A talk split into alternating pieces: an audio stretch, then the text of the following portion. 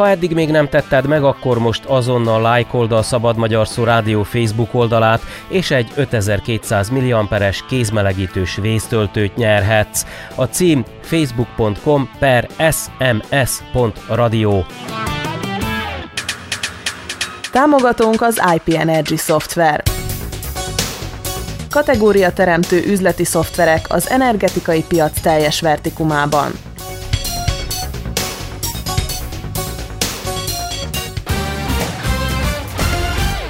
Szabad magyar szó. Híradó. A hét legfontosabb cikkei élő szóban is. A mikrofonnál Tóth Imre.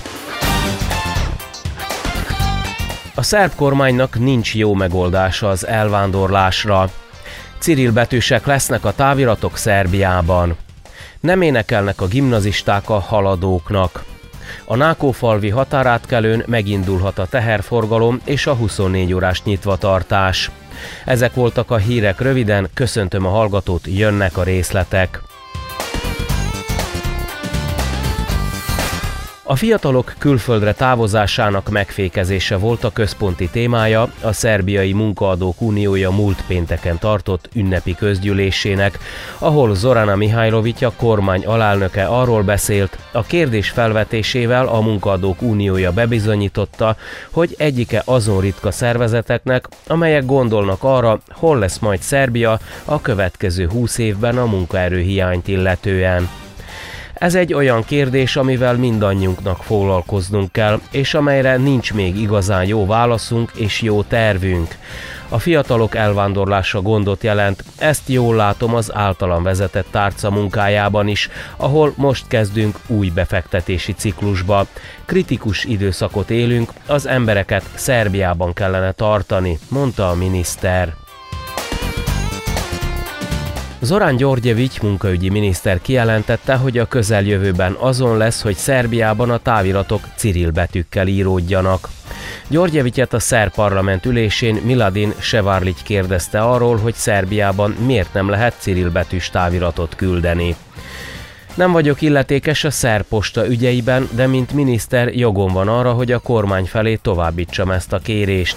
Azt gondolom, hogy rövid időn belül megváltozhat a dolog, mondta a munkaügyi miniszter a parlament azon ülésén, amelyen többek között a postai szolgáltatások törvénytervezetét tárgyalták. Györgyevics azt is elmondta, hogy korábban a nyugdíj és rokkantsági biztosítási alap is latinbetűs határozatokat kézbesített, majd az ő közbenjárására ezek ma már cirilbetűkkel íródnak. Amikor a mandátumom elején a szerb radikális párt tagjaitól hallottam, hogy a nyugdíj és rokkantsági biztosítási alap latinbetűs határozatokat és végzéseket ad ki, közbelépésemre nagyon gyorsan átváltottak Cyril betűkre, mondta Zorán Györgyevics munkaügyi miniszter.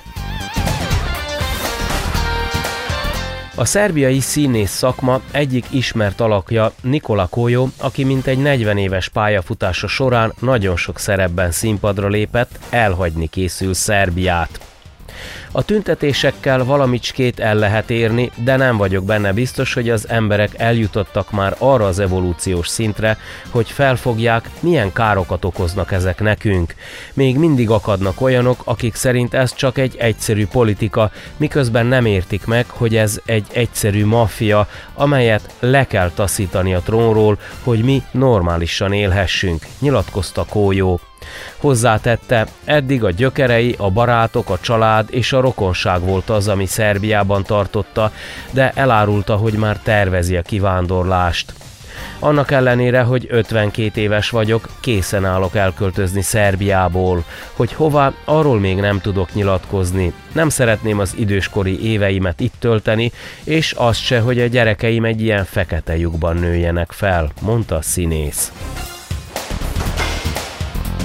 A mozgalom a fordulatért, azaz a Pokredza Preokret ellenzéki szervezet közölte, az újvidéki Jován Jovanovics Zmáj gimnázium diákjai elutasították, hogy énekeljenek a szerb haladó párt születésnapi ünnepségén. Ugyanakkor azonban a haladók azt állítják, nem is tervezték a diákkórus fellépését. Szemenszedett hazugság, hogy nem tervezték a kórus fellépését, hiszen az iskola igazgatója, tanárai, valamint a diákok szülei is megerősítették, hogy felkérést kaptak.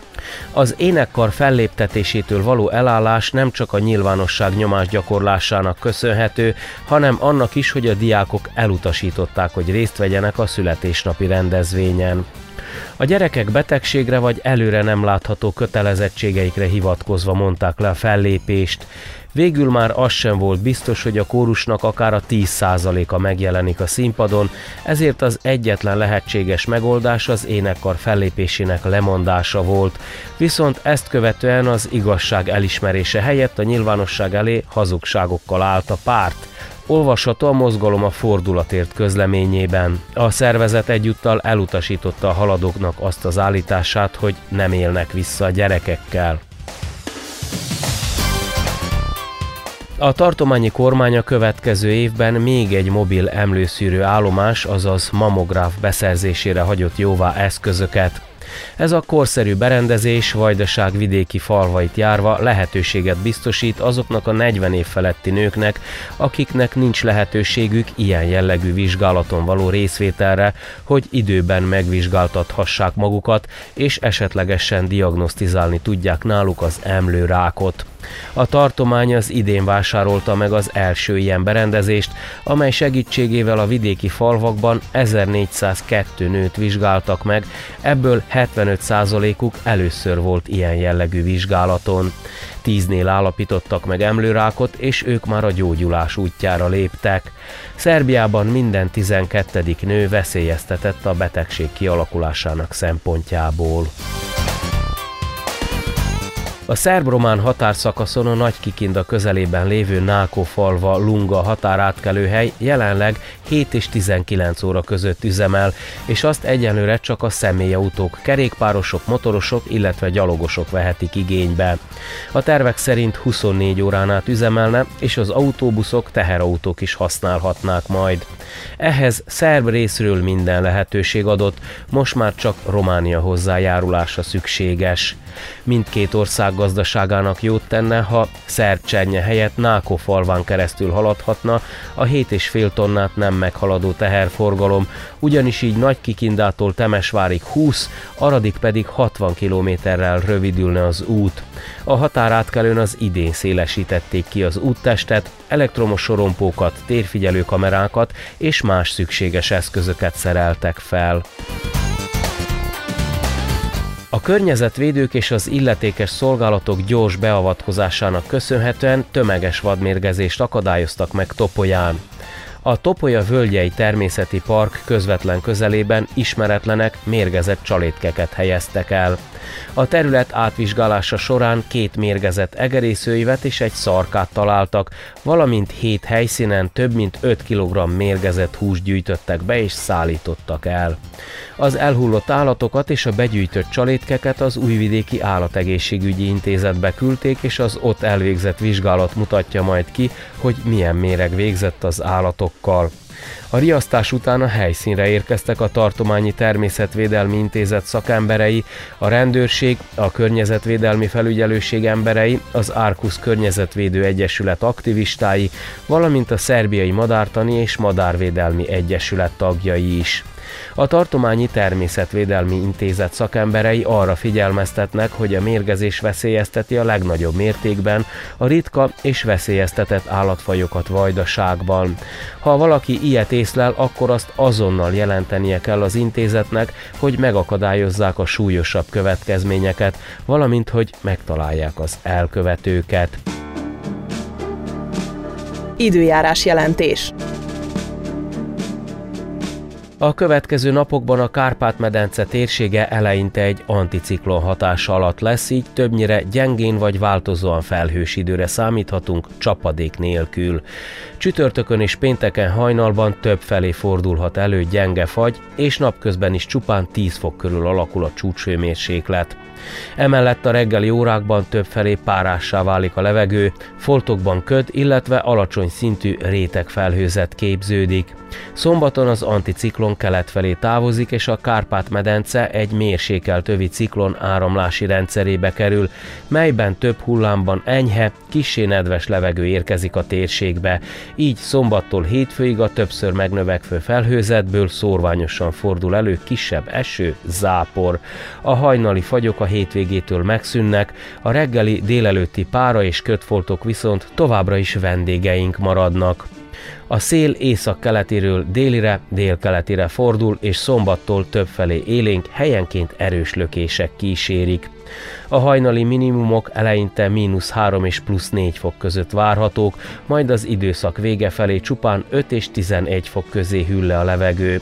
Hasonlóképpen a nappali csúcsértékek is eleinte csupán 10 fok körül szóródnak, majd a jövő hét elejére immár 12 és 19 fok közötti, kifejezetten enyhe értékek várhatók. Ez volt a Szabad Magyar Szó Rádió 2019. október 29-i híradója. Tóth Imre köszöni meg a figyelmet. Nyomd meg a kis csengőt, hogy ne maradj le egyetlen műsorunkról sem. Okos eszközöddel iratkozz fel csatornáinkra és lájkolj minket a Facebookon. További részletek podcast.szabadmagyarszó.com